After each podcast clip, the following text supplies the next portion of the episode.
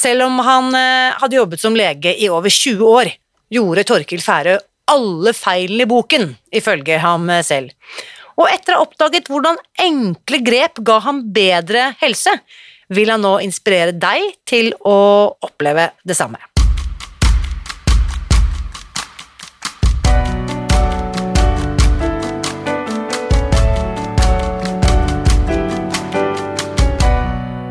Mitt navn er Irina Lie. Jeg er journalist og forlegger, gründer og sosial entreprenør. I 2015 spiste jeg meg fri fra overvekt og fedme etter å ha slitt med vekt, kropp og følelser i nesten 30 år. Etter at jeg knakk koden, ga jeg meg selv et nytt oppdrag – å dele denne kunnskapen med alle som trenger det. I denne podkasten kan du derfor høre hele lydboken Spis deg fri. Den finner du ved å bla deg tilbake i arkivet og lytte til første sesong. Hver uke inviterer jeg nå gjester som gir deg påfyll til hodet, hjertet og magen. For min visjon er å endre Helse-Norge, og det får jeg ikke til alene. Du bidrar ved å abonnere på podkasten, skrive en omtale i iTunes og tipse meg om hvem jeg burde invitere hit. Da setter vi i gang med ukens episode.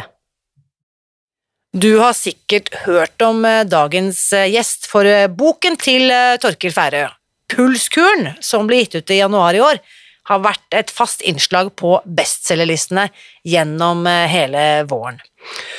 Torkil Færø har nemlig oppdaget at det er mulig å skru den biologiske klokken tilbake, og dermed leve lengre og få et friskere liv ved å regulere nervesystemet. Og hvordan du kan gjøre det, det skal du få høre nå. Her er ukens gjest. Kjære Torkil, velkommen til podkasten. Tusen takk. Dette har jeg gleda meg til. Ja, i like måte. Og jeg er spesielt glad for at vi, de som bare hører dette, de ser jo ikke at vi faktisk møtes på ekte mm -hmm. i mhm. dette lille studioet vårt. Ja. Så det er veldig veldig hyggelig å treffe deg også. Mm -hmm. ja. Så vi må selvsagt, Det vi selvsagt skal snakke om, er jo denne fantastiske boken du har eh, gitt ut. Eh, det er ikke så lenge siden den kom. 'Pulskuren'. Ja, fem måneder siden. Men det yes. har jo vært et skikkelig spetakkel altså, de fem månedene. Fantastisk. Den kom tidlig nå i 2020. Den kom 2. januar. Og så ligger den jo fortsatt på tredje- og fjerdeplass på bestselgerlistene etter snart et halvår. Så det har jo vært eh, over all forventning. Gratulerer. Det er helt fantastisk takk, takk. bragd. Ja, ja, ja. Det er i hvert fall eh, Det er i hvert fall Altså, det som er, at jeg tenkte at den burde selge så mye pga. innholdet. Så jeg tenkte at hvis, hvis, folk oppfatter verdien av dette her, og potensialet i det, så vil den selge så mye. Men, men du, kan, du, kunne jo ikke være sikker, selvfølgelig. selvfølgelig. For dette er jo helt nytt, og, og var jo avhengig av at noen fant ut og brakte det videre, på en måte. da. Yes. Og det har jo skjedd. Det har åpenbart skjedd. Ja. Så eh, for de som ikke kjenner deg, Torkel, fortell litt om bakgrunnen din. Du har jo eh, både en spennende historie, men også ikke minst eh, faglig sett en solid CV. Mm. Ja, jeg vet ikke om CV-en jeg, jeg, tror faktisk ikke jeg engang har en CV. Jeg har alltid jobba frilanser, og der har alltid oppdragene stått i kø. Det har alltid vært behov for en lege et eller annet sted på en eller annen øy eller fjellbygd i Norge. da. Ja. Eh, sånn at jeg har faktisk ikke noen eh, ordentlig CV, tror jeg. For det er jo bare en rekke kommuner hvor jeg har jobbet to og tre og fire uker av, av gangen da, gjennom 25 år. Så du er reisende, ordentlig reisende makk på, på, legefeltet? Absolutt. altså. Jeg har tatt med meg legekofferten og dratt rundt omkring. Jeg, hovedsakelig fordi at jeg har vært så opptatt av fotografi og reise. Sånn at for meg å ha fast jobb og være bundet uten å kunne reise når jeg har lyst, og hvor jeg har lyst, det var aldri aktuelt. Mm.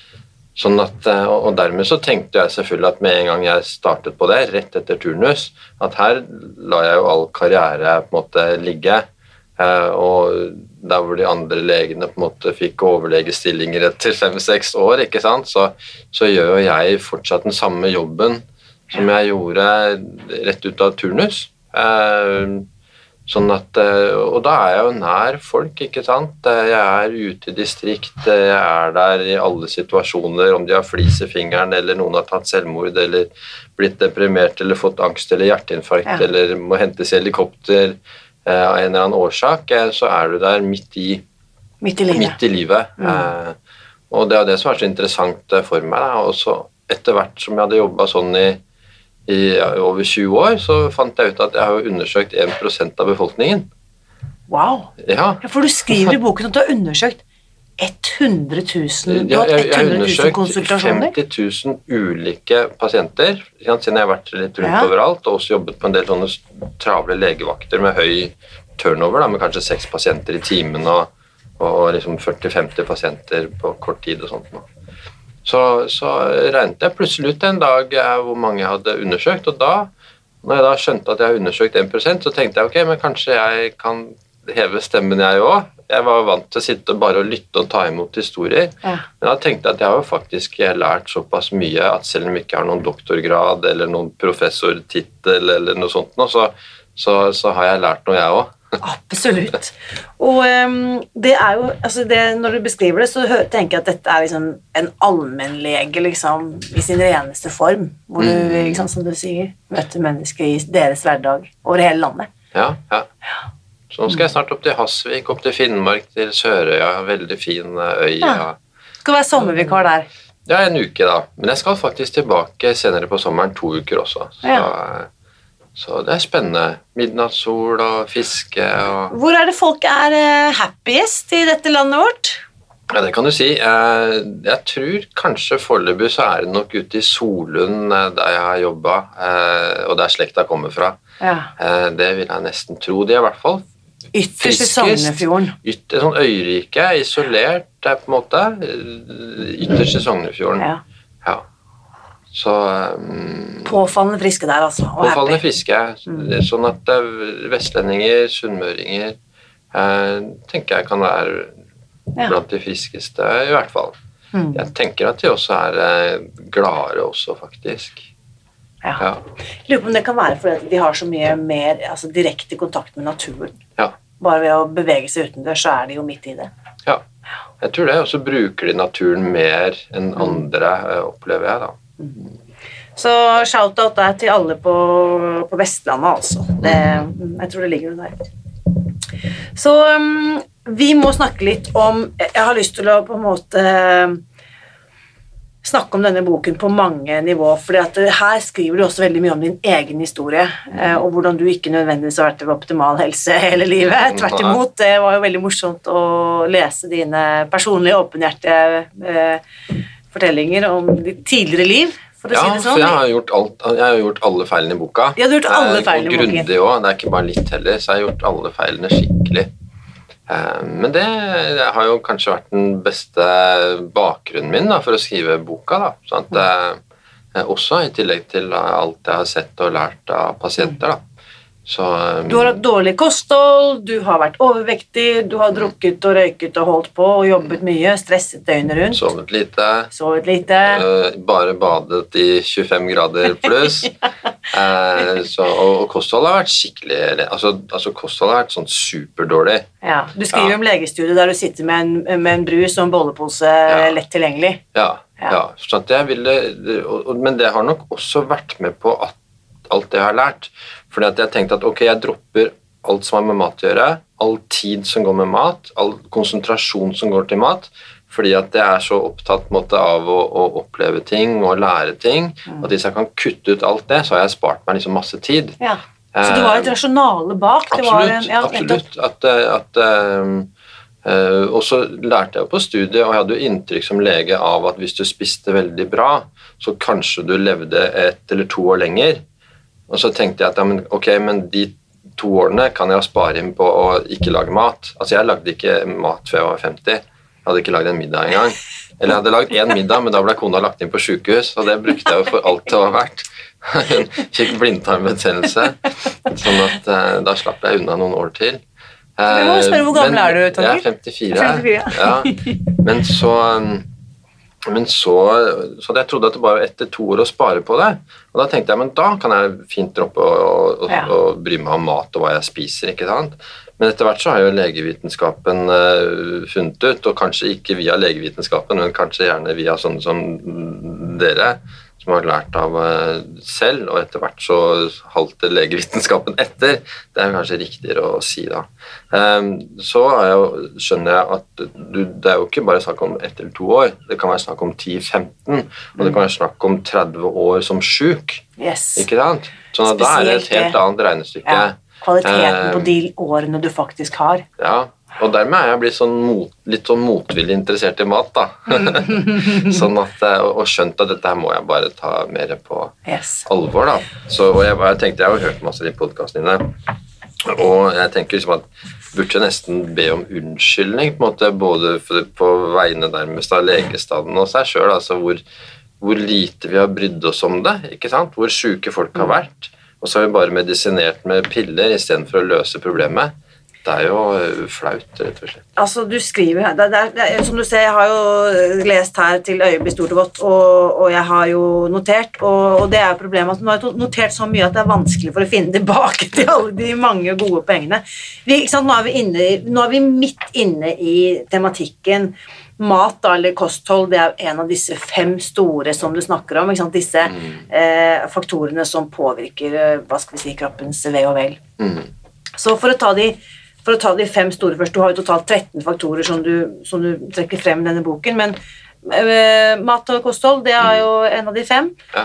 Skal vi bare Ja, den, den første boka starter med søvn, fordi at når du får det i orden, så får du mer overskudd til å begynne på de andre tingene. Yes. Og så er det å få kontroll på stressnivået, altså klare å regulere deg selv ned gjerne i stressnivå, eller opp hvis du trenger det.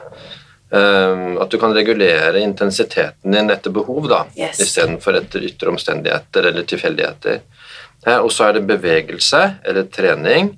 Gjerne mer bevegelse, egentlig, eh, enn trening, for du trenger egentlig bare bevege deg. Ja. Det er ikke de som trener som lever lengst, det er de som beveger seg som, som, måte, som lever lengst. Disse sunnmøringene er ikke noe spesielt gode på å trene, men de beveger seg Yes. naturlig. Og så, etter hvert som det er mer i orden, så tenker jeg at man har mer overskudd til å ta seg av det som kan være litt eh, mer vrient, og det er kosthold. Eh, både når du spiser, at det er lang nok nattfaste, eh, gjerne 12 timer, og gjerne opp mot 14 eller 16 timer som jeg har. Um, men også hva det skal inneholde, da, med minst mulig ultraprosessert, minst mulig raske karbohydrater, minst mulig svingninger i blodsukker. Uh, ja. Og, og jeg la jo ut på Instagram i går, jeg vet ikke om du leste alle kommentarene, det, ja, men, det, men det- da spurte jeg på den Dr. Torkel på Instagram, da, siden jeg skulle hit, hva er det dere reagerer på? Og da er det to ting som er tydelige. Det ene er at det er veldig mye som er felles, og det andre er at det er mye som er ulikt. Sånn at det som jeg nevnte nå, med ultraprosessert mat, raske karbohydrater, godteri, snop osv., spise for sent på kvelden, det er noe som nesten alle kjenner igjen. Men i tillegg så er det veldig mye som enkeltpersoner reagerer på, som andre ikke reagerer på. Mm. Så, så, så disse klokkene og instrumentene de kan klare å identifisere om du reagerer på noe. Um, og på meg så fant jeg ut at jeg reagerte på gluten og melkeproteiner f.eks. Jeg så at visse måltider så ble det for mye stress, og så var det vanskelig å finne ut av. Så til slutt så endte jeg opp med å ta sånn prøve på Lab 1 på den klinikken til Hekseberg, doktor dr. Hekseberg. Og da, da så jo det at det var melk og gluten, og det er klart at det er jo nesten all mat. Så det er ikke så rart ikke jeg klarte å finne ut og isolere hva det var jeg reagerte på da. Så uansett eh, så er da noe av det som påvirker stressnivået aller mest, det er kosthold. Nettopp. Sånn at, eh, og det er jo litt interessant, for det har jo liksom aldri vært framme i når, når folk snakker om kosthold, så er jo det aldri et tema. Hvor mye stresser maten deg? Ikke sant? Så det var en av de store overraskelsene jeg begynte å måle. At, at måltider og mat det er noe som eh, har den største påvirkning på stressnivået. Og, og det er også noe andre finner. Nettopp. Og eh, da er vi på en måte i sant, Du skriver eh, Jeg prøvde her å finne dette sitatet nå, men du skriver jo egentlig her sant, at kostholdet vårt det kan jo påvirke absolutt alle sykdommer du Altså så å si, da. Ja. Du kommer til Og det, legen. det, det ser du på den podkasten din nå, ikke sant? At, at folk har jo blitt kvitt de, de, alle underligste sykdommer. Ja. Og det er jo fordi at disse sykdommene har sin basis i kronisk betennelse. um, som da skyldes kosten. sånn at når de blir kvitt den grunnleggende rotårsaken, den kroniske betennelsen, så er det på en måte et myriader av sykdommer som faller bort, Yes. som har på en måte grunnlaget i det. Og det at kronisk betennelse er årsaken til livsstilssykdommene, det er jo Det vil jeg tippe at hadde du spurt 100 leger, så er det bare 10 av dem som ville visst det. For Yes. dette er ikke noe vi lærte. Vi lærte liksom å ta oss av hver av disse sykdommene som det fører til, men klarte ikke å se Sammenhengen. sammenhengen. Og dette, ikke, ikke bare vil 10 eh, være nikkebekreftende og si at det kan ha en sammenheng, de 90 øvrige vil Riste på hodet. kategorisk benekte det og tilbakevise det som eh, noe ordentlig tøv. Absolutt. Ikke sant? Så, Så de henger etter, og, og, og, grunnen til det ikke sant, er jo at um, du hviler på laurbærene. Ikke sant? Du hviler på den legestudiet du gjorde for 20 år siden. Ikke sant? Og det gjorde jeg òg. Vi lærte jo ikke om dette her. Og, og så lenge du på en måte kan hvile på diplomet ditt, da, så oppdaterer du ikke like mye. Ehm, og det gjør jo at andre ernæringseksperter, da, ikke sant? Eh, sånn som deg og, og, og andre, de må jo bare kunne mer. Og det skal ikke så mye mer til enn å lese en langhelg. Noen, de bøkene som er oppdatert på området, så kan du jo mer enn alle legene. ja, ikke sant. Ja, så vanskelig er det ikke. Så det, det er jo det du skriver her også i boken, at leser du denne pulskuren, så kan du mer enn 90% av legene på dette feltet her. Absolutt, absolutt. Det er eh, Du er jo en varm fremsnakker av disse måleinstrumentene som eh, ikke sant? Pulskuren, det handler jo også om disse pulsklokkene. La oss bare ta en rask oppsummering, Torkil, av hvilke dippedutter Vi Ja. kan ta det her og nå. Hvilke gadgets har du på Ja, deg? først kan jeg si hva de måler, da. Ja. Altså, de, de måler ikke bare pulstallet i seg sjøl, men de måler heart rate variability, som er pulsvariasjonen mellom hjerteslagene. Hjertevariabilitet. Ja, hjerterytmevariabilitet. Hjerterytme. HRV på yes, engelsk. Og hvis du, og hvis du kobler Hvis du googler sykdommen din, på en måte, eller symptomet og heart rate variability på engelsk, så finner du masse masse forskning. Så dette her er ikke noe sånn mambo jumbo uh, soft science. Dette her er hardcore science. Yes. Hjerterativariabilitet. Hvordan, når du puster inn, hvis du da er i avslappet parasympatisk modus, hvis du puster inn, så rasker hjertet litt på for å utnytte at lungene er fulle av oksygen. Når du puster ut, så slapper det litt av, siden det er mindre oksygen i lungene. Men hvis du er i stressa modus av hva som helst årsak, at du har spist feil, du har stressa mentalt, eller du har trent eller overbelasta deg på hva som helst vis, så vil hjertet slå likt, uavhengig av om du puster inn eller ut. Og disse små nyansene i millisekunder er det disse klokkene og ringene og båndene klarer å oppfange. Og så bruker de da kunstig intelligens og data fra millioner av folk og samler det sammen og gir deg en tall på stressbalansen din, både i øyeblikket og samla opp over døgnet og uka, måneder og år osv. Så videre. sånn at det disse gjør, er egentlig å erstatte den sansen som ikke vi har, den sansen innover. For vi er opptatt av å leve livene våre og holde på med ting og kommunisere med folk. så at disse nyansene i hjerterytmen de klarer ikke vi å oppfange, med mindre at det er helt over stokk og stein. Da skjønner vi det, hvis vi er helt ute å kjøre. Så, og, og det som på en måte er det soleklart beste alternativet, og jeg er ikke sponsa av dem, det er Garmin. Eh, fordi at de har den algor de algoritmene som de har kjøpt opp av finske Firstbeat, eh, som gir den, den mest mm, Hva skal jeg si eh, Algoritmene som gjør at det er lett å se hva som stresser deg og ikke stresser deg Ja. gjennom døgnet. Og så har du Whoop, nei, ja, så har du Whoop-båndet som er på andre håndleddet her, som gir deg en, på morgenen et tall på hvor godt er du restituert, og så gjennom dagen så gir den deg tall på hvor mye har du belasta deg i dag, og så prøver den å matche det. Eh, og Oura-ringen den er spesielt god på søvn og vurdere søvnfaser. Så de andre instrumentene er ikke så gode på søvnfasene. ikke sant? Å tolke søvnfaser ut fra pulsen på håndledd osv. Det er ikke lett. Um, men jeg opplever at søvnvurderingene, dette søvntallene du får av dem, de er gode da, og nyttige. Sånn at de følger jo med deg til og med når du sover. da, sånn at Dette er på en måte å bruke kunstig intelligens eh, sammen med din intelligens. Så du må bruke hva disse klokkene vet om deg, som ikke du vet om deg. Og så må du bruke det du ser ut av øynene dine på en måte, og, og, og erfarer, og så holder du det sammen. da. Mm. Så du kan ikke bare bruke klokkene og si at eh, nå er det akkurat sånn. Du må, du må bruke huet ditt. Yes.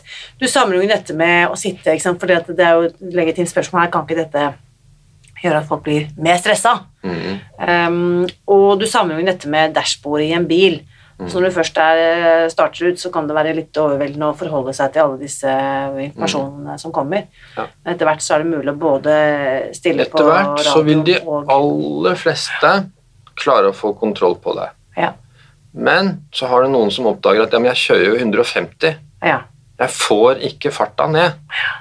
Kanskje jeg får den ned til 120, men jeg klarer ikke det. Men da, men da er det som regel reelt. Altså, da, da, da, det de kan fortelle, det er utbrenthet over årevis. Mm. Ikke sant? Og de har jo gjerne gått til legen i alle år, og det er ingenting som slår ut på noen prøver. Men her slår det ut. Ja, på stressnivå slår det ut. Sånn at i hvert fall, da selv om de da oppdager at dette er kjempevanskelig å løse og få den kjempehastigheten ned, så har de i hvert fall et tall å vise legen sin. At se her, det, det er fullt av stress her, selv om jeg nesten ikke gjør noen ting. Så bare for å oppsummere det du sa i stad, dette med lav variasjon er, kan tyde på høyt stressnivå Ja, i kroppen. høy, høy belastning av en eller annen årsak, og det kan veldig godt være kost. Sånn at de som har vært på postkassen dine og sier at jeg ble kvitt det og det sykdommen, de har nok hatt et, et sånn hastighet på stressnivået sitt. Og når de har fått bedre kost, så har det normalisert seg. Yes. Så må vi komme inn på et punkt der som jeg syns var veldig spennende, som jeg også vet at eh, Gabor Mathea har skrevet mye om. Nemlig dette her at um, det å være fanget i dette sympatiske nerveresponsen, eller dette langvarige høye stresset, det kan også ha psykologiske faktorer. Og du skriver her på side 122 ikke sant, dette også, at du har en, eh, en barndom preget av eh, mobbing og mye redsel. Eh, og hvordan det også har eh, påvirket deg. Og så skriver du her Etter hvert lærte jeg meg å mestre disse stressede følelsene og ble nærmest vaksinert mot dem. Mm. Kunne, du, kunne du sagt litt mer om det? Nei, altså Det var vel et par år, det var liksom ikke hele barndommen, det var nok et par år hvor jeg blei regelmessig banka på skolen da, av en eh, trio som sikkert hadde mer trøbbel enn meg og trengte å få ut litt Wow. frustrasjon. Og så var jeg en tilgjengelig person å, å banke da, når det passa seg. Så det betydde jo at jeg visste jo aldri eh, hvordan det ville gå på skolen, da, om jeg ville få eh, bank eller ikke. Eh, og, og det gjorde selvfølgelig at jeg ble eh, redd da, eh, for det. Men samtidig, etter hvert som jeg lærte meg på en måte, tror jeg, å, å tåle å håndtere det, eh, så, så ble jeg også Hvis jeg tåler dette her, så tåler jeg alt, på en måte. Eh, sånn at eh, tiden etterpå og som voksen er nok mer preget av at jeg, ikke er, at, at jeg er for lite redd for ting. Ja, for du At jeg skriver at du tar det fryktløse eh, Du tar fryktløse valg. Ja, ja, ja. Så da er det bra at jeg har kona som jeg kan, kan, kan si at dette er kanskje ikke så smart, Torkel. Kanskje du skulle, kanskje du skulle tenke deg om en gang til. Dra deg litt ned. Ja, ja, ja, for, jeg hadde, for at eh, jeg er lite redd for ting. da. Jeg har jo reist jorda rundt alene, og, og, og når jeg liksom går tilbake i hodet og ser litt hva jeg har vært med på, så, så tenker jeg at eh, jeg tror ikke jeg ville anbefalt det til andre. da. Nettopp. Ja. Men jeg så lurer jeg på Dette er også litt eh, også, eh, For det første dette med HRV-vitenskapen. Det har jo tradisjonelt vært knyttet tettere opp mot psykologisk forskning, og noe som på en måte medisinsk Mm. forskning ikke har vært så interessert i. Kan vi ikke si, kan vi ikke si det sånn? Ja, ja sånn Det første stedet jeg hørte om HRV, var av boka til Bessel van der Kolk som heter eh, 'Kroppen holder regnskap'. The body keeps The body the score. keeps a score, ikke Mm. Selve har jo solgt millioner av bøker, ikke sant? Og der, og der leste jeg for første gang, altså i 2019, Mm. altså 20 år inn i legekarrieren, at det fantes noe som heter HRV, og som da er et mål på stressbalansen. Mm. Og da skjønte jeg at her er jo selvfølgelig et helt utrolig verktøy. Og når jeg da skjønte at dette fins i klokkene som vi allerede går rundt med, ikke sant? Så, så skjønte jeg at her er det kjempepotensial. Først og fremst for meg selv, For jeg hadde ikke planer om å skrive boka når jeg begynte med dette her. Så at jeg holdt på med dette her i halvannet år for at jeg skulle få en bedre tilstand da. For at selv om jeg var frisk, så så jeg at her jeg kunne være enda friskere. Jeg kunne ha enda mer overskudd. Jeg kunne på en måte være enda flinkere til å hva skal du si, regulere meg da, eh, opp og ned eh, etter behov. da. Og så, eh, litt sånn tilfeldig, så så hun eh, ja, Så hadde jeg skrevet en bok som het 'Kamerakuren' noen år før, sånn at de som jobber i Cappelen, var vel oppmerksom på meg. Sånn at når jeg la ut et bilde av, av dette her, så fikk jeg plutselig en melding i Messenger da, at er dette en bok eh, for Ja. oss. Ja, det er jo det er det jo. Da var frøet tanken sådd, og så var, var du i gang. Ja, ikke sant? så hadde ikke hun vært på Facebook den dagen, ikke sant? så hadde, alt, hadde, det ikke skjedd noe.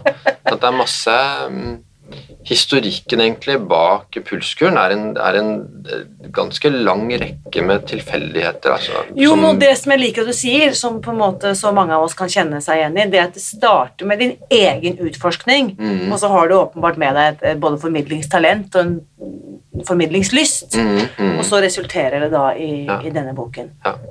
ja, for jeg vil jo, vil jo gjerne at folk skal leve bedre. Ja, det er jo det som har vært frustrasjonen hele tiden som lege. Å se at folk underlever livene sine. Altså de, de Underlever, ja. De de har Altså de er preget av liksom misnøye, sykdom, passivitet, eh, negativitet, pessimisme. Og så Sånn at Kamerakuren er jo en mestringsbok.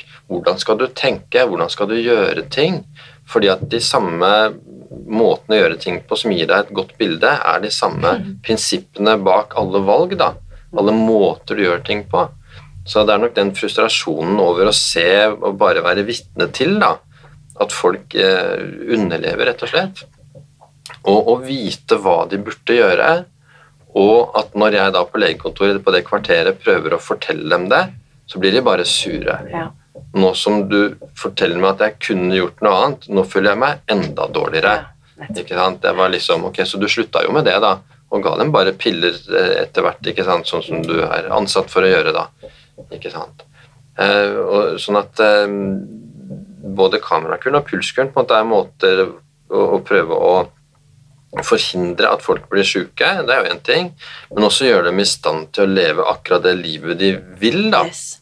Eh, Og så føler jeg også at veldig motiverer hver enkelt til å ta radikalt ansvar for sitt eget liv. Mm. Ja. Det er jo noe av det som jeg også lærte på denne her mestringsreisen. ikke sant? For at man kan føle på urettferdighet. ikke sant? Det kunne jeg jo før. Synes at ting skulle være annerledes og skulle få til ting bedre. og, og, og skyldte på omstendigheter og unnskyldninger og alt dette her. Og så Den første selvhjelpsboka jeg leste, i en lang, lang rekke, det var den um, The Success Principles av Jack Canfield. Ja. Og en av de tingene i den boka var ta 100% ansvar for alt. Yes. Og, og det var kanskje det som løste mest, for da var det ingen unnskyldninger lenger. Jeg tok ansvaret for alt, selv ting som jeg ikke hadde noe skyld i. Så tok jeg ansvaret for å håndtere det. Yes. Um, Så, så, så det er kanskje det viktigste grepet. Sånn at, for jeg ser jo det at de som sitter fast i sykdom, ofte sitter fast i nettopp det. Det er andre omstendigheter utenfor min kontroll som er skylda at jeg er her. Og det kan være behagelig, men samtidig så har du jo ikke noe verktøy for å gjøre noe med det. da. Du har liksom lagt fra deg eh, styringa. yes. Da er jeg dette offeret i mitt eget liv. Ja, ja, Som eh, kanskje er behagelig en stund, men det blir jo veldig smertefullt over tid. ja, Det hjelper deg ikke. Du blir, du blir sjuk av det. Ikke sant? Så um, jeg er også veldig glad for at du her skriver uh, om pust. Det har jeg også holdt på med mye de siste årene, i tillegg til mat.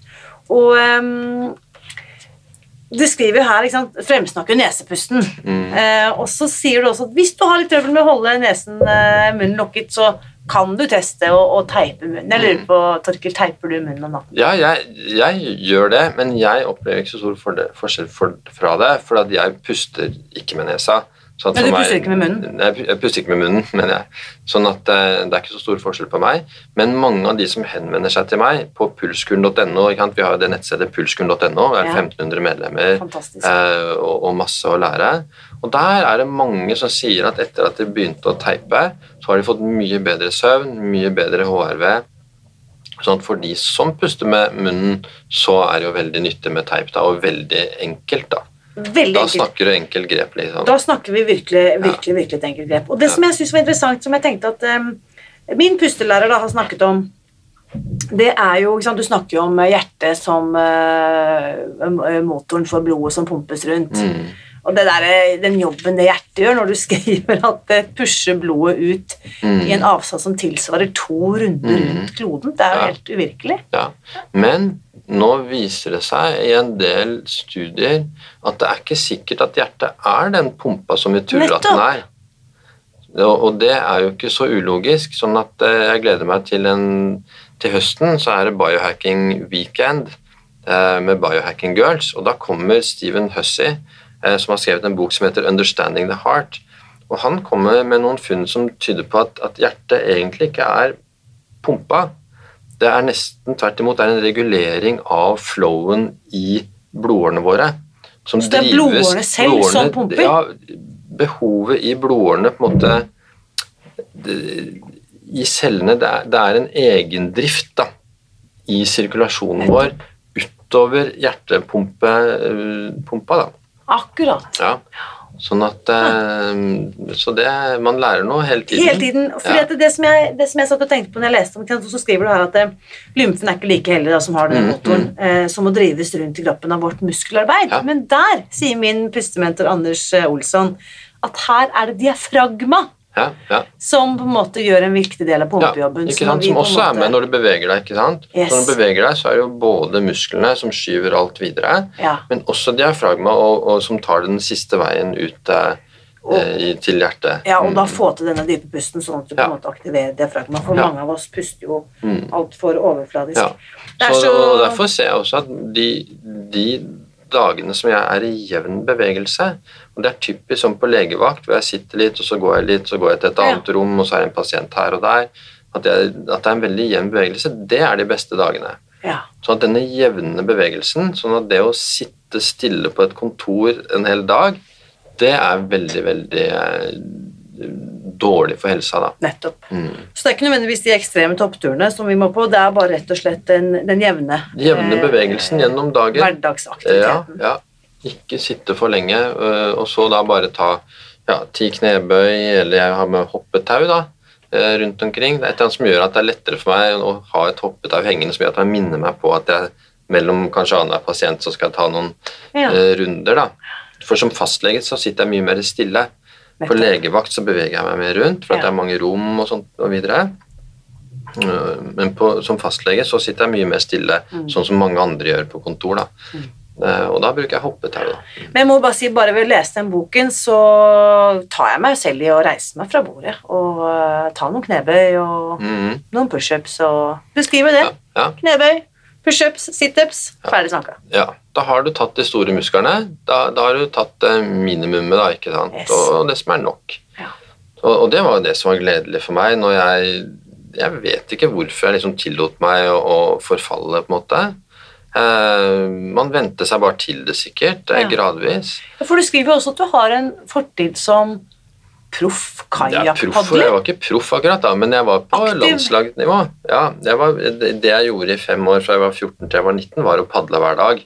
Ja. Det var det eneste jeg gjorde, på en måte. Så at jeg har litt av, der, litt av den monomaniske måten å gjøre ting på, da. Um, så da. Og da var jeg jo sterk, ikke sant. Eh, Utholdende. Og så droppa jeg med det fra en dag til neste, og, og etter det så trente jeg ikke overhodet.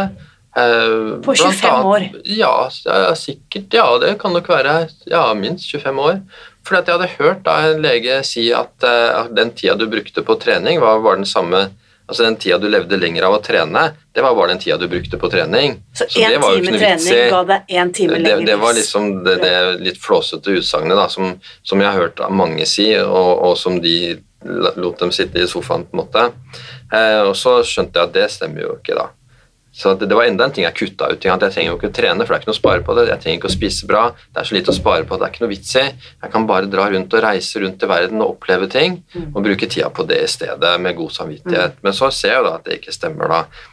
Du må trene, og den, den tiden du investerer i trening og bevegelse, den får du tilbake med tall som aksjemeglere ville vært eh, helt i tusen over. ikke sant? Du skriver 6-7-8-dobling av investert tid Ja, ja. i forlenget levetid. Ja, Ja. det er vanskelig å regne på.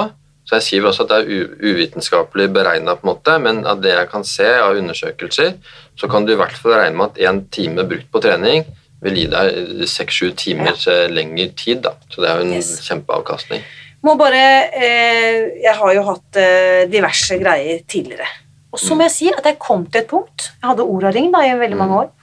Så kom jeg til et punkt der jeg tenkte at eh, nei, nå ønsker jeg ikke å ha noen flere parametere. Mhm. Så jeg slo opp med Oraring. Ja, ja. Og det innlegget jeg la ut om det på sosiale medier, det er altså det mest kommenterte.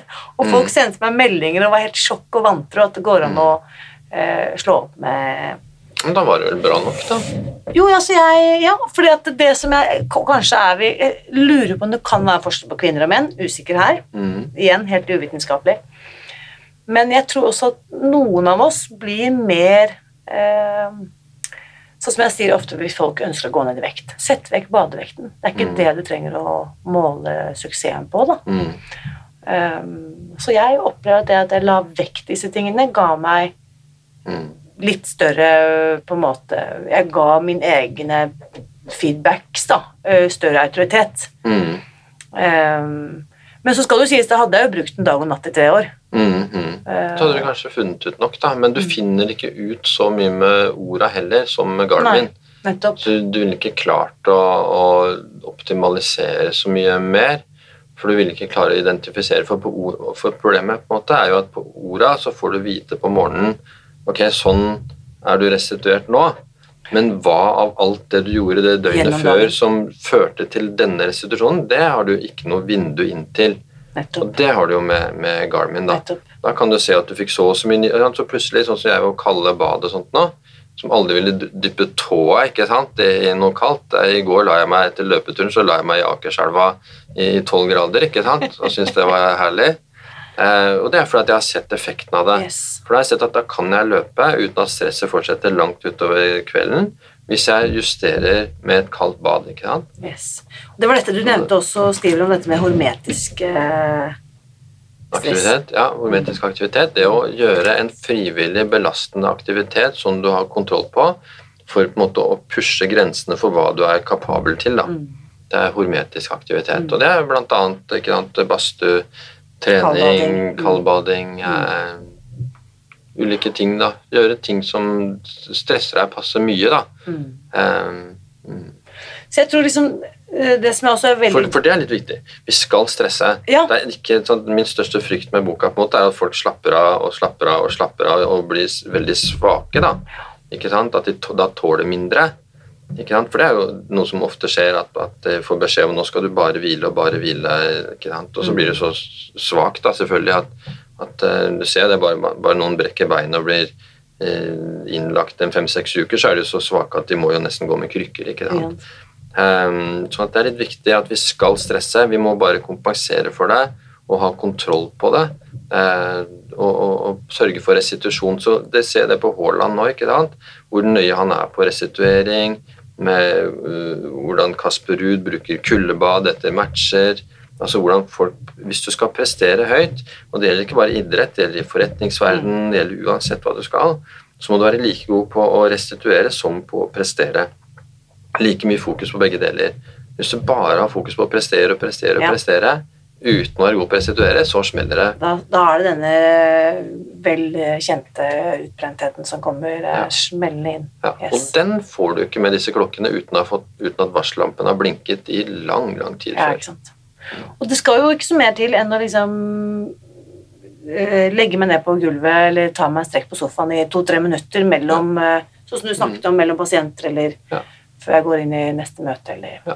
Og så tror jeg også dette her med, som jeg liker veldig godt, er at du motiverer til små ting. Altså, Mm. du trenger liksom ikke å kjøre en eh, total makeover. Det, Mm.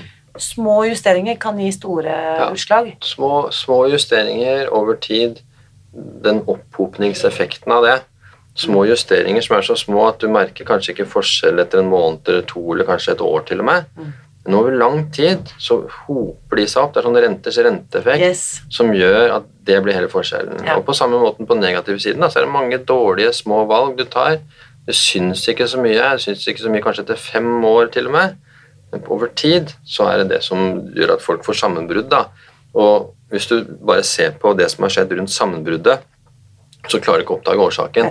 For den ligger 10-15 år før i tid. da. Mm. Og- Hvor alle valgene har på en måte gått et liten eh, i feil retning. Ja, det har gått i feil retning. Og så er kroppen så tilgivende fram til vi blir 35 Ja. at den tilgir deg en masse dårlig behandling. Tåler masse juling med kost og, og dårlige livsstilsvalg da, fram til du blir 35, men så tåler den ikke så mye lenger. Ja. Så, så det ser jeg jo på pasienter. ikke sant, at før, altså, Når jeg undersøker 30-åringer, så er det ikke så stor forskjell på dem. Nei. Uavhengig av hvilke valg de har tatt. ikke sant? Men har de fortsatt med de samme valgene, og så ser jeg dem som 50-åringer, Ja. ja, da ser du forskjell bare de kommer inn døra. ikke sant? At den forskjellen er stor, da. Sånn at, og det er en del fordi at kroppen ikke er så god på å restituere.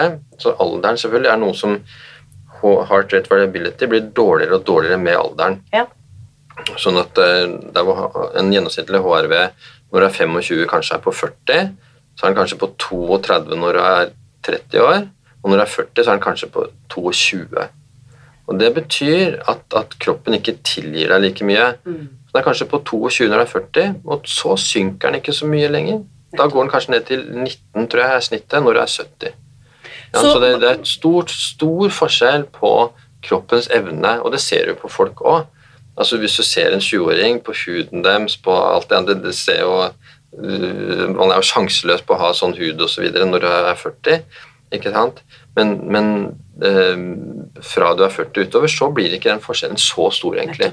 Men det som er viktig, altså HRV, en måleskala eh, eh, er jo typ fra 0 til 200. Mm, Og så er det lett å tenke at å, men jeg må ha høyest mulig. Eh, Jo Mm. høyere, jo bedre. mm. Men det er ikke sånn at eh, 200 nødvendigvis er tilgjengelig for alle. Nei. Uansett hva du gjør. 200 og sånt nå, det, det er noen som har så høy HRV. um, og det er ofte unge folk, ofte godt trente folk Ja. med god kondisjon, da, som kan oppnå sånne nivåer. da. Ja, så det er ikke vits å sammenligne seg for mye Nei, med, Du må sammenligne deg med deg selv og hva du klarer å oppnå. Da. Mm. Hva har du på dine beste dager, liksom?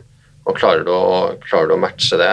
Mm. Um, ofte så kan jo de, altså, de beste dagene kan lyve litt for deg, for de kan være veldig gode fordi at du dagene før overbelasta deg, så får du en sånn rebound-effekt. Altså, Ja. Det er ikke sikkert at dine beste målinger er tilgjengelige for deg uten at du har overbelasta deg i forkant. da. Um, du i hvert fall har en pekepinn på hvor du ligger. Si at, si at hvis du er en stressa person som gjør mye, da, og så tar du kanskje en helt rolig helg, helt rolig, eh, da vil du kanskje kunne oppdage at ok, dette er det nivået jeg kan ligge på. da. Det jeg opplevde med Oraringen, da, med de begrensningene den har, det var jo at eh, i de, i de periodene hvor den sa at jeg var liksom best restituert, og det 100% sleep score, og alt var liksom eh, idyll, Mm. det var jo nesten en periode hvor jeg sov så mye at jeg nesten følte meg utbrent, eller deprimert. Mm. Så tenkte jeg liksom at eh, Og dette er liksom eh, fasiten. At dette skal være bra. Ja, for da sov du lenge, da. Da sov jeg lenge. Ja, jeg for det har de eh, nok, det har de nok eh, gått inn på igjen, for det å sove for lenge er heller ikke bra. Ikke? Nettopp. Sånn at, Så du til sleep-scoren tilsynelatende var veldig, veldig bra. ja, så det kan godt hende at til nå Hvor lenge er det siden du slutta med Ola? Nei, nå Det er vel et halvt år siden. Det er ikke mer, nei. Nei da, så, men dette her var jo kanskje sommeren for to-tre år siden. Ja. Ja. Men den sier jo, ikke sant Og det er derfor du skal bruke din intelligens i tillegg. Ja. For, den, for klokka og ringene klarer jo bare å si hva som er vanlig for folk med denne pulsen og disse målingene og dette bevegelsesmønsteret. Ja. Og så må du vite at jeg er faktisk eh, deprimert. ikke sant? Det er jo faktisk, Jeg sover så mye fordi jeg ikke har det bra. Mm. Ikke sant? Så du er nødt til å bruke din intelligens. Og, og mm. i tillegg er det så også Det er også en sånn altså Den måler bare tilstanden i det autonome nervesystemet. på en måte. Sånn at det er klart at du kan ha dårlige tanker og føle deg dårlig selv om det autonome nervesystemet har det bra. Ja. Så det er ikke sånn at når det, når det tallet er bra, så burde du ha det akkurat så bra. Den, den, den, den måler ikke hele funksjonen din, liksom. Mm. Men den måler kanskje det aller viktigste. Og, det som har vært, og, og måler det som har vært undervurdert, som er dette grunnleggende autonome nervesystemet. Og det har vært undervurdert sannsynligvis fordi at vi ikke har hatt tall på det. Nettopp. Det er ikke noen målinger som viser det, bortsett fra heart rate variability. Yes. De andre målingene som kan vise det, er jo sånne superdyre cytokinmålinger og interleukin 1 og 6 og sånne eh, inflammasjonsparametere som ikke vi måler. Eh, men eh, HRV er en slags representant for de inflammasjonsparameterne da, som, da, sant, som du har på hånda tilgjengelig her og nå. ikke sant? Så nå kan vi få denne dataen som gjør at vi kan også gjøre større studier på det, selvfølgelig. Ja, ja, og det er, masse, det, det er supermasse studier på det. Yes, kjempespennende. Mm. Eh, Jeg vet også at på Rikshospitalet så holder de på med dette her med kaldbading og stressnivåer og Mm. Utsettes for eh, eh, kulde. Mm. Så bare veldig nysgjerrig da på ditt eget, eh, dine egne rutiner eller ritualer gjennom dagen. Kan du ikke dra oss gjennom en typisk Mm. Ja. torkeldag? Ja, en typisk torkeldag er aldri typisk. Nei. og nå er den enda mindre typisk enn før. Eh, For noe av det som har skjedd med den suksessen med boka, er at nå, nå styrer jeg jo ikke tiden min nesten. Det er så mange henvendelser fra, fra, fra næringsliv, fra folk, fra folk som har lest boka, som lurer på det og det. Vi har det pulskuren.no-stedet. sånn at nå, Yes. nå Før så hadde jeg nesten ingen dager som er like. Nå har jeg ingen dager som er like. Um, og jeg har noen rutiner, men de er også sånne jeg kan bytte på. Ja. Men én rutine da, det er i hvert fall at jeg alltid skriver sånn, jeg skriver sånn femårsdagbok. ja. Så det gjør jeg hver dag. Og det som er litt morsomt, da Nå har jeg begynt på en ny femårsdagbok, da, men på, i, på den forrige så husket jeg stort sett hva jeg gjorde alle de fire årene før. ja.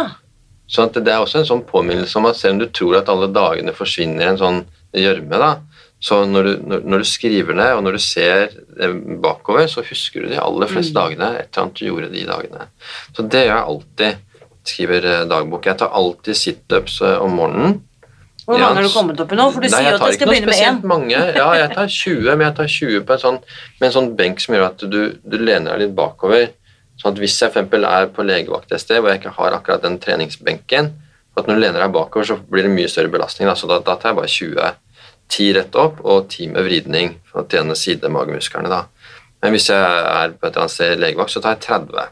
Ja, Eh, på gulv. Ja, og så tar jeg alltid, eh, og det er utover ettermiddagen, tar jeg alltid pushups eh, og knebøy. Som regel 50 av hver. Eh, Før så tok jeg 100 av hver og annenhver dag, men det ble så mye melkesyre så jeg på målingene, at det ble for stor belastning. Ja. Så da måtte jeg prøve å løse det, og da løste jeg det ved å heller ta det hver dag, og så ta 50 av hver. Ja. Da blir det passe med melkesyre, og du blir passe sterk. Ehm, men hvis jeg har hatt en travel dag, hvis jeg ser at den, nå ligger body battery lavt, i dag har jeg belasta meg mye, så kanskje jeg tar 25. Ja. Men jeg prøver å ta noen, tar noen vanen så alltid er der. opprettholdes. Rutinen opprettholdes. Smart. Og bare de små tingene det er, Nå er jeg tilbake til jeg begynte et eller annet sted litt seinere. Det å plutselig se etter liksom 25 år den kroppen min som jeg hadde da når jeg trente, Mm. og som bare kom av at jeg hadde gått ned i vekt og gjort disse her øvelser som bare tok meg to minutter om dagen. ikke sant? Plutselig Jøss, yes, han der husker jeg igjen. Mm. 25 år siden sist, liksom. Hei, takk for sist. Ikke sant? Sånn at det, det skulle egentlig så lite til da, av, av trening for å få det til. Så det er rutine. Um, etter hvert så er det rutine å klare å puste meg ned innimellom her og der. Nå trenger jeg ikke å tenke over det eller konsentrere meg om det engang. Nå, nå går det liksom helt eh, automatisk. At du legger inn pusteøvelse gjennom dagen. Ja, jeg vil nesten ikke kalle det øvelser, men at jeg puster rolig i ett minutt. Ikke sant? At jeg puster meg ned i frekvens i ett minutt, Mm. og kanskje lukker øya, og, og så går jeg Er- videre. Knagger du det på noe annet? Typ sånn før måltider eller noe sånt? Mm, nei, egentlig ikke. Jeg gjør det liksom stadig vekk Ja. eh, hele dagen. Og så har jeg ofte en sånn morgenrutine på å, å skrive. Det har jeg Julia Cameron, 'The Artist's Way'. En fantastisk Morning bok. morning- Pages'. Morning ja. pages. Og, og det er bare, og jeg, jeg jukser litt, for hun sier at du skal skrive tre sider, men det har jeg ikke tid til, så jeg skriver to. Eh, men det tar 20 minutter kanskje, bare, bare det å skrive det som faller meg inn. Og starte dagen på den måten. Og da er det ofte at jeg kommer på ting som jeg gjør den dagen der. Liksom, ah, det, for at da bruker du intuisjonen din, du bruker de Og siden det er om morgenen, så er du fortsatt litt sånn litt igjen av liksom, drømmetilværelsen fortsatt. Um, og da kommer jeg ofte på ting som jeg bruker altså den, Det å skrive det om morgenen, det påvirker dagen, da. Ja. Og Derfor skriver jeg morning pages, og så når dagen er slutt, så skriver jeg i dagboka. Og nå holder vi jo på å lage Pulskuren helsedagbok, som skal komme ut til høsten Herlig. og som er bygd på det at du skriver litt om morgenen. Du, du noterer verdiene som du fikk i løpet av natta, og så da kanskje tar du noen andre valg for den dagen. Det skriver du om morgenen. Og på kvelden så skriver du hvordan gikk denne dagen her. Og så skriver du målingene i løpet av dagen. Du, og det er faktisk Det er utrolig nok. Det er den eneste helsedagboka. For at, når, når, når, for at det, det kom i forbindelse med at eh, faktisk at svigerfaren min da, hadde hatt liksom, Vi gikk gjennom dagene hans. Da, så hadde det vært et par-tre skikkelig dårlige dager et par-tre skikkelig gode dager. Mm. Og så spurte han ja, hva gjorde du disse dagene. Nei, husker ikke. Nettopp. Og så tenkte jeg ja, ok, men da kanskje du skal kjøpe en helsedagbok til deg, da. Og så tasta jeg inn og søkte jeg helsedagbok. Nei, Finnes ikke. ingenting. Da må du lage Noe, og så sendte jeg eh, SMS til redaktøren da. Du, skal vi lage en he- helsedagbok? Ja.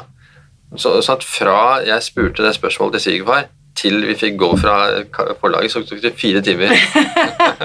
Nå er det det korteste ever, liksom. Men bare det at ikke det finnes en helsedagbok som gjør at du kan følge med på symptomer og krysse av på ting. Kanskje har du begynt med ny medisin, eller kanskje har du begynt med et nytt tilskudd eller en Ja. trening. Men at det ikke engang finnes en helsedagbok, er jo helt utrolig. Det er helt utrolig. Ja. Mm. Så Så kanskje noe av dette er erstattet av diverse apper og ikke sant, ting og ja, du tang. har jo sånn så- LifeSum og sånne apper, Ja. da.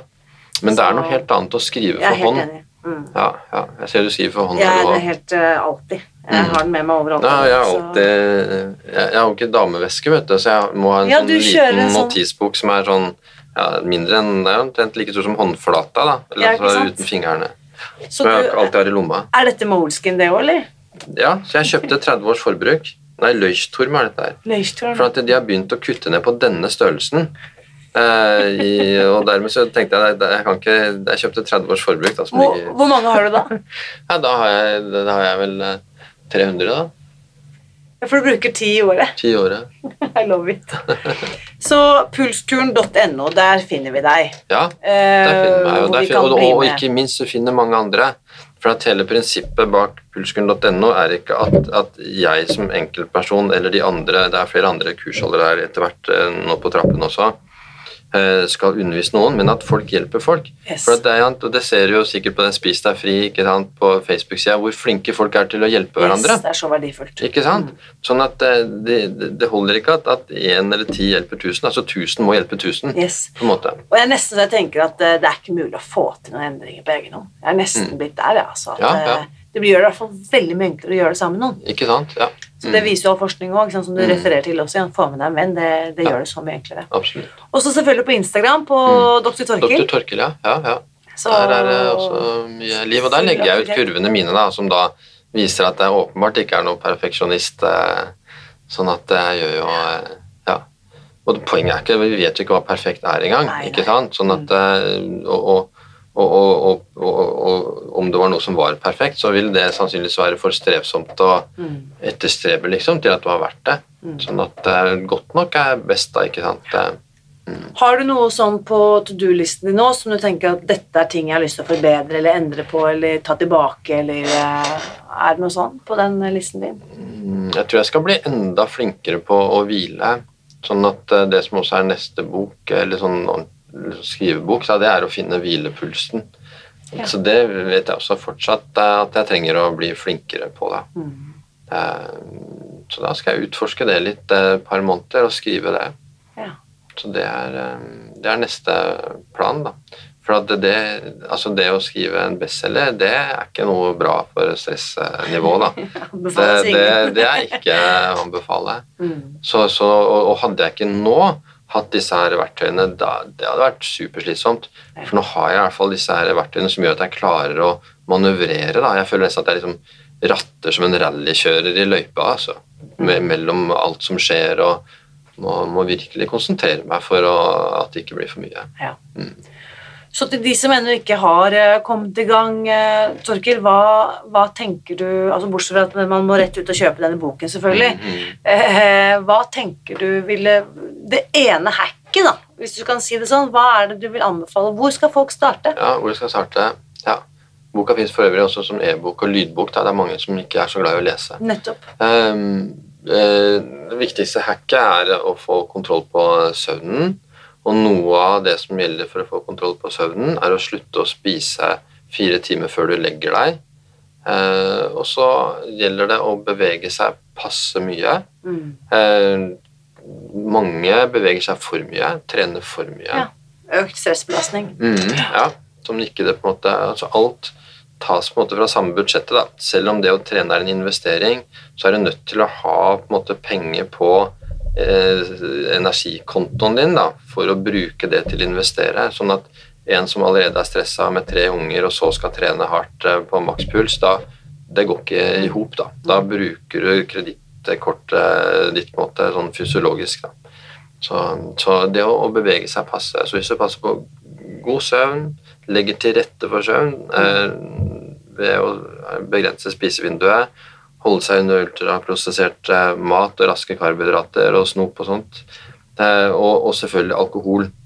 Alkohol er den store dødaren. Det nesten alle eh, som begynner å bruke disse instrumentene, de kutter kraftig ned på alkohol, altså. Ja.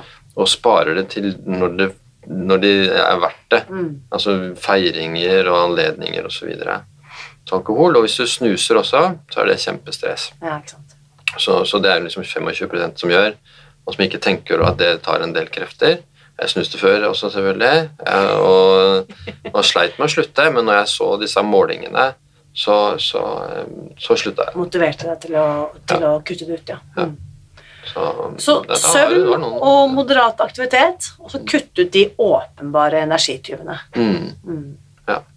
Og ellers er det jo mange altså Det som er greia, er at en ting er det vi tenker på som stress, um, som alle vet er stress, men det som du finner ut med de målingene, er at det skjulte stresset, som du aldri tenkte var stress, sånn som mat, sånn som alkohol, sånn som høyde over havet, altså å være på fjellet altså er masse, masse ting da, som, som, som stresser organismen, da, som ligger under radaren din. Da. Så disse da finner du tak i etter hvert som du måler, og så kan du luke ut litt og litt og Yes. litt og litt Yes. over lang tid. Jeg ser jo at mange er så utålmodige.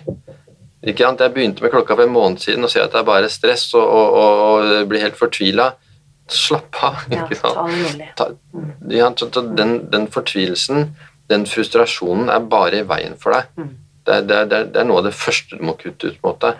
Ehm, det, å, det å være så utålmodig og lett frustrert og irritert. da. Ja, og hvis det har tatt meg liksom 47 år å havne i den kroppen jeg har nå, så kanskje jeg skal gi det litt mer enn en måned før jeg justerer kurs. Mm. Ja, ja. Så det er fantastisk. Enkle grep i små porsjoner over tid. Mm, det er nøkkelen. Det er nøkkelen. Tusen, tusen takk for at uh, du var med her i dag og deler denne viktige kunnskapen. Tusen takk for at jeg fikk komme til din supre podkast. Takk. Nå lurer jeg på, hva tenker du etter å ha hørt min samtale med Torkil denne uken? Samtalen etter ukens episode fortsetter som vanlig i den åpne Facebook-gruppen Spis deg fri, så bli med over dit og del dine takeaways fra denne episoden. Kanskje har du allerede begynt å måle pulsen, HRV-målingene dine, kanskje er du allerede, i gang med mange av disse målingene som Torkil snakker om, så del gjerne dine erfaringer også. Og hvis du kjenner at eh, min samtale med Torkil inspirerer deg til å ta grep om kostholdet ditt, og kanskje endre dine vaner rundt mat og måltider, så må du for all del ikke gå glipp av webinaret som jeg arrangerer denne uken. Du kan melde deg på ved å gå til spisdegfri.no juni. Om noen dager arrangerer jeg nemlig et helt gratis webinar om eh, Spis deg fri, hvor jeg viser deg hvordan du kan spise deg fri fra overvekt, smerter og søtsug denne sommeren. Og tro meg, det er mye enklere enn du tror. Webinaret det er gratis, og du melder deg på ved å gå til spisdegfri.no juni. Og på dette webinaret så vil jeg også fortelle deg hva som er den vanligste feilen folk gjør når de forsøker å gå ned i vekt, og jeg viser deg hva som er nøkkelen til varig vektnedgang. Stikkordet her er altså varig vektnedgang. Påmeldingen til webinaret den finner du ved å gå til spisdegfri.no juni. Og hvis ikke det var nok, så kommer du også til å få supertrikset mitt, som eh, stopper alle former for søtsug og cravings i løpet av ett minutt. Ja, jeg vet, det høres for godt ut til å være sant, men kom på webinaret, så skal jeg vise deg hvordan du kan gjøre det. Og selv om dette er helt gratis, så er antall plasser begrenset. Du sikrer deg en plass ved å gå til spisdegfri.no juni og melde deg på. Det og gjør det nå. Da håper jeg at vi ses snart. Husk også at uansett hva du gjør for å ta vare på deg selv i sommer, så vit at jeg heier på deg. Alltid.